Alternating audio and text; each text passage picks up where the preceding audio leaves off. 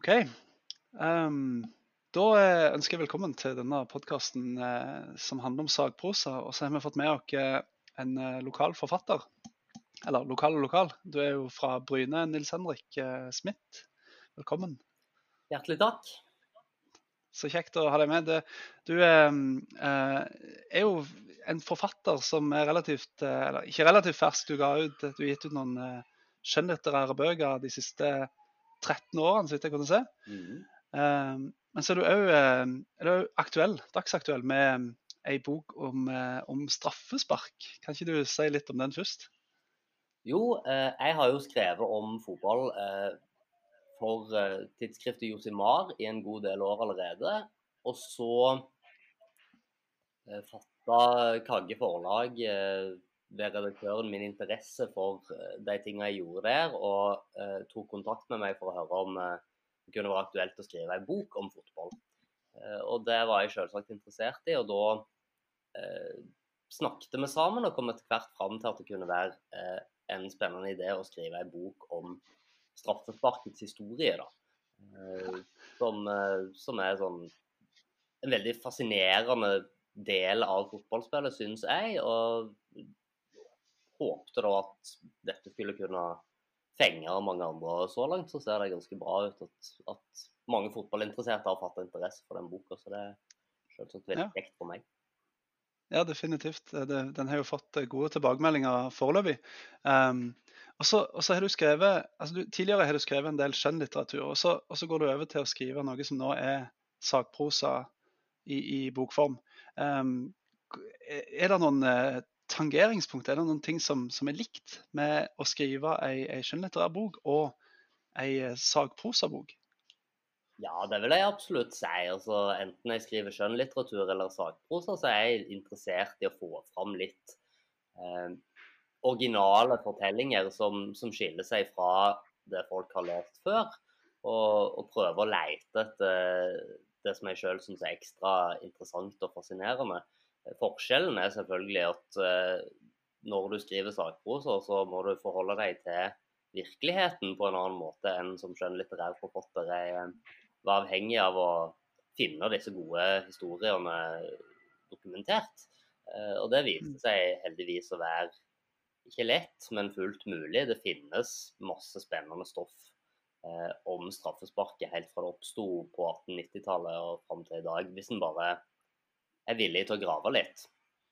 Ja, tøft. Det høres jo veldig smalt ut sånn sett. Altså, du har skrevet om straffesparket som sådan. Det er jo eh, Det høres liksom ikke ut ved, sånn, som en sånn, et tema som man kan virkelig dykke ned i det kreative i. Hvordan, hvordan gjorde du det? Altså, jeg har vært opptatt av å bruke straffesparket til å fortelle eh, gode fotballhistorier, men også historier som kanskje peker litt utover straffesparksituasjonen uh, og fotballen generelt. da. F.eks. når jeg skriver om, uh, om Kjetil Rekdal sin straffe mot Brasil uh, i 1998, mm. som de som er så gamle som meg, husker godt. Så ja, definitivt. bruker jeg den til å, til å skrive litt om den norske samfunnsutviklingen i samme periode på 90-tallet. Og prøve å bruke det til å eh, ja, være litt sånn amatørsosiolog, eh, på en måte. Eh, så jeg mener jo at eh, sakprosa, enten den handler om fotball eller hva som helst annet, kan brukes til å ja. utvide bevisstheten om mange andre ja. ting også. Nettopp. Den kan, den kan, eh, tjene et litt sånn bredere formål enn bare det som handler om, om, eh, om straffespark i seg sjøl. Ja. Og Det er jo interessant fordi at uh, kreativiteten i det hele er jo, er jo litt uh, uh, interessant her. Fordi man har kanskje en oppfatning av at sakprosa det er tørt og kjedelig. Og skjønnlitteratur det er spennende og, og kreativt. Um, så her, her, er du altså Hvis jeg forstår det rett, så er det ikke nødvendigvis en sånn, den motsetningen der er sånn kunstig, da. Ja, jeg syns det. Jeg vil absolutt si at jeg jobber kreativt når jeg skriver sakprosa også, fordi eh, du, må, du, må, finne fram til de historiene som kan brukes til noe som føles relevant og meningsfullt. Altså, det er ikke grenser for hvor mange straffespark som har blitt tatt, selvfølgelig. Og, og du, kan, eh, du kan skildre og vurdere alle sånn rent teknisk, men hvis du, hvis du vil skrive ei bok som eh, fenger og underholder folk litt, så, så, må du finne de situasjonene som er litt sånn eh, Som har litt kraft eh, i seg sjøl. Og det er en kreativ prosess helt på nivå med skjønnlitteratur, mener jeg. Ja visst, visst. Du, Rent sånn av nysgjerrighet, som gammel målvakt, er det noen av situasjonene du skildrer fra, fra mållinja? Ja, det er det. Eh, jeg skriver bl.a. ganske mye om en eh, rumensk keeper som heter Helmut Dukkadam, som redda eh, fire straffer i europacupfinalen mot Barcelona for, forsvaret Sloja Bucuresti den gangen de vant eh, serievinnercupen. Eh, og han er jo liksom en sånn en klassisk helt. altså Den, den eneste som har redda alle straffene for laget sitt i en uh, europacupfinale. Og, uh, og det, det, er jo Keeperen sin situasjon ved straffespark er jo litt sånn uh, paradoksal, for han kan bare bli helten, ikke syndebukken. Uh, I motsetning til utespillerne som som står veldig sårbart til. Ja. Så da Ja, keeper kom jo Det var faktisk når straffesparket ble innført, så var det en del motstand mot. Og en, et av argumentene mot var at eh, det var en keeper som hadde foreslått, og han ble da selvfølgelig sett på som en eh, en egosentrisk fyr som bare ville plassere seg selv i sentrum. Eh, så det, det, er jo fascinerende å tenke på i dag. Men eh, ja. ja. Så gøy.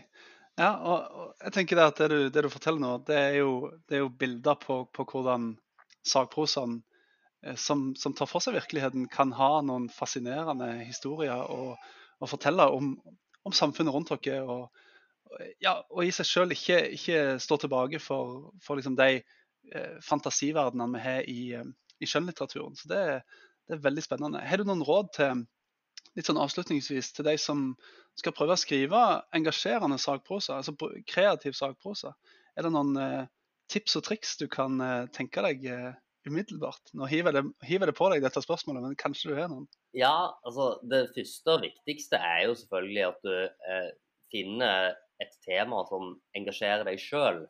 Eh, for min del, som, eh, som, har vært veldig opptatt av fotball i 30 år, så så var det veldig enkelt å motivere meg sjøl for å jobbe med, med, akkurat fotball og straffespark. Eh, og så er det selvfølgelig viktig at du